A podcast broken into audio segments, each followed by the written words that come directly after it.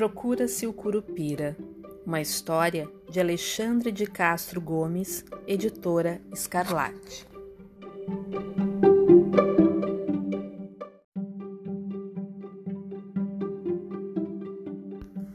Capítulo 9 Barnabé Filó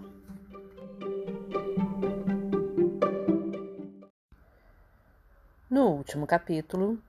Ah! gritou a folhagem. Imediatamente fomos na direção do porco e encontramos uma pessoa caída no chão. Ao seu lado, ainda inteira, uma câmera fotográfica analógica. Neste capítulo. Ah, oi, detetives. Tudo em cima? O jornalista se levantou e sacudiu a terra da calça. Que coincidência encontrar vocês por essas bandas. Anotaram a placa do suíno que passou por aqui? Coincidência uma ova. Você estava seguindo a gente que eu sei. Joaquim de Jeremias estava furioso. Ele nunca teve muita paciência com jornalistas. Isso desde que alguns tentaram desacreditá-lo após o caso sobre a morte do Saci, que desvendamos há quase um ano. Está atrapalhando nossas investigações. Retire-se. Por onde você veio? Espere aí, Joaquim. Billy cortou o chefe. Talvez não seja uma boa ideia deixá-lo andar sozinho por aí. E cochichou no ouvido do ex-parceiro. É nosso dever proteger essas pessoas e não sei se esse senhor está seguro. Ah, é por causa do curupira, não é? Ou é lobisomem? Barnabé ouviu o que estavam falando dele e decidiu abrir o jogo. Peço que me desculpem, mas, para ser sincero, Estou acompanhando vocês desde que saíram do Cascudos. Tenho certeza de que vocês são muito bons no que fazem, mas eu também sou. Quero esse furo de notícia para o Gazeta da Gente. Imagine que lindo seria eu, Barnabé Filó, ser indicado para o Pulitzer. O que é o Pulitzer? Ninguém me respondeu. Descobri depois se tratar de um prêmio americano dado a quem realiza trabalhos de excelência em jornalismo composição musical e literatura. As batidas recomeçaram, assim como os assobios, de novo querendo nos levar para mais ao leste. Não tivemos tempo de analisar o próximo passo, pois o danado do jornalista avançou em direção aos batuques. Ele devia mesmo estar ansioso pelo furo de reportagem. Ficamos os três olhando um para a cara do outro. O que vocês estão esperando? rugiu Joaquim. Atrás dele! Saímos, meio desajeitados, em perseguição ao jornalista. No caminho, vesti minha jaqueta. Era melhor do que carregá-la na mão. Ele era rápido. Corremos por uns cento e poucos metros até chegarmos a uma curva do rio. Avistamos o Barnabé cruzando a água sobre umas pedras, quase uma ponte natural. Era preciso algum cuidado para não escorregar, mas nada muito complicado. Estão ouvindo? Ele perguntou assim que nos ouviu. Os assobios estão vindo do outro lado do rio. Vamos lá pegá-lo. Joaquim já estava bufando, mas veio atrás. Atravessamos o curso da água por sobre umas pedras altas e molhadas. Quase escorregamos, mas chegamos ao outro lado justamente quando o sol começou a se pôr. O entardecer acinzentado trouxe junto algumas nuvens carregadas. Talvez chovesse, e ninguém tinha levado capa. Gente, é melhor desacelerarmos, sugeri. Daqui a pouco vai escurecer e estamos um pouco distantes do Cascudos. Há um cidadão conosco que não passou pelo treinamento da polícia e que pode ter dificuldade para voltar. Fale por você, meu chapa. Eu estou ótimo. Quero ver esse curupira de perto. Precisamos saber para onde ele levou o menino. Isso se já não tiver devorado. O cidadão sem noção? Billy interveio. Até eu, que não sou daqui, sei que o curupira não devora ninguém. Por outro lado, o lobisomem. Enquanto eu falava, um longo assovio veio soprado do norte, nos chamando para o centro da selva. Billy sacou sua lanterna, Joaquim e eu acompanhamos e sacamos as nossas também. Buscaríamos aquele som enquanto o rio estivesse perto. Era uma forma de nos orientarmos. Era só seguir o rio acima que chegaríamos na praia da Canini, Caninana e depois a, na ponte do PG. De lá para o Cascudos era mais fácil. Agora, Se o curupira nos chamasse para longe da água, desistiríamos e voltaríamos outro dia. Pulamos algumas pedras, atravessamos a folhagem alta, nos desviamos de um abricó de macaco e contornamos um bambuzal.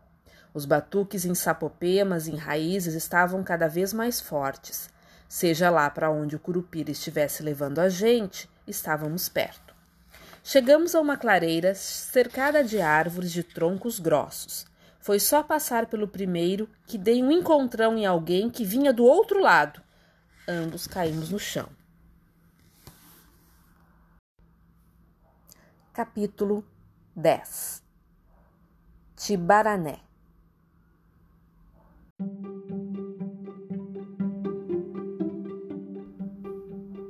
Capítulo 10 Tibarané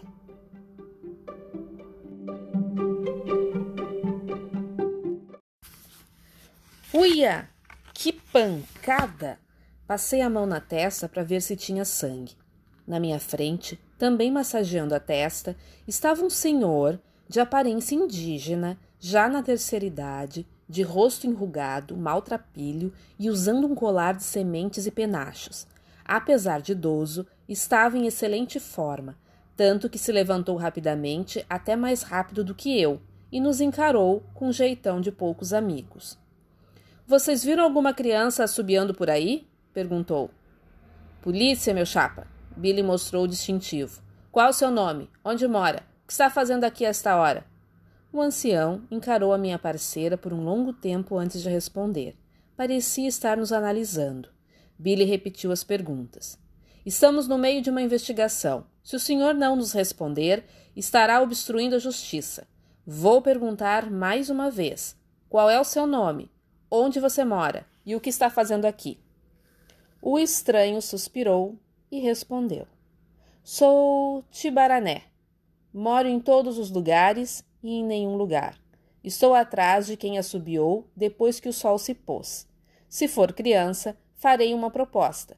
Vocês viram uma criança subiando por aí? Quem lhe disse que é uma criança, seu Tibarané? perguntou Joaquim desconfiado. Por acaso sabe alguma coisa sobre o sequestro do Romãozinho? É ele que está subiando? Tibarané voltou a ficar quieto e a nos encarar de mau humor. Barnabé tirou algumas fotos discretas com a câmera. O indígena não percebeu. Você conhece o Romãozinho Tibarané?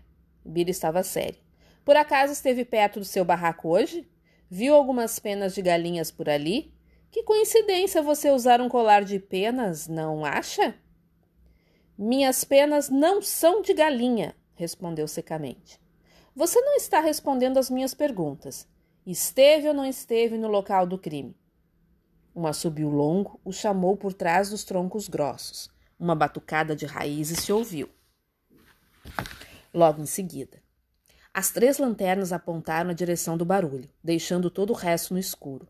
Quando se voltaram para o velho indígena, ele não estava mais com eles. Sua câmera está apreendida, Joaquim apontou para o jornalista. Precisamos da foto desse suspeito, e sei que você tirou algumas. Ronaldo, peça que vejam se esse Tibarané tem ficha corrida. Se tiver, peça que mandem para o meu celular. Espere aí, pô! Vocês não podem fazer isso. Barnabé não acreditava no que estava ouvindo. Entregue imediatamente para o detetive Billy, por favor. Eu juro que passo as fotos para vocês depois. Não tire a minha máquina agora. Ainda estamos no meio da aventura. Você só pode estar brincando. Joaquim estava perdendo a pouca paciência. E se você sumir também? Não o conhecemos direito. Entregue a câmera e eu garanto que a devolvo assim que copiarmos as fotos do suspeito. Barnabé Filó ainda insistiu por algum tempo, mas acabou cedendo. Dali em diante, fotografaria com o celular. Eu não tenho certeza se as penas que a gente viu na cena do crime eram de galinha, admiti. Só presumi que fossem. Mas posso estar errado. Talvez esse tibarané tenha alguma culpa no cartório. Eu já estou achando que é o próprio Romãozinho que está brincando conosco, sugeriu Billy. Ele é arteiro. E se isso tudo for uma grande encenação? E se ele só estiver tirando um sarro da cara da gente? Se for isso, ele vai em cana, bufou Joaquim de Jeremias. Já não bastam os machucados que ganhei com esse capim na valha? Plim! Não é que o velho tinha uma ficha criminal?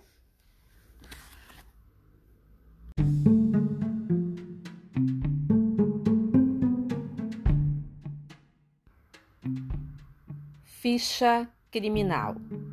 Tibarané.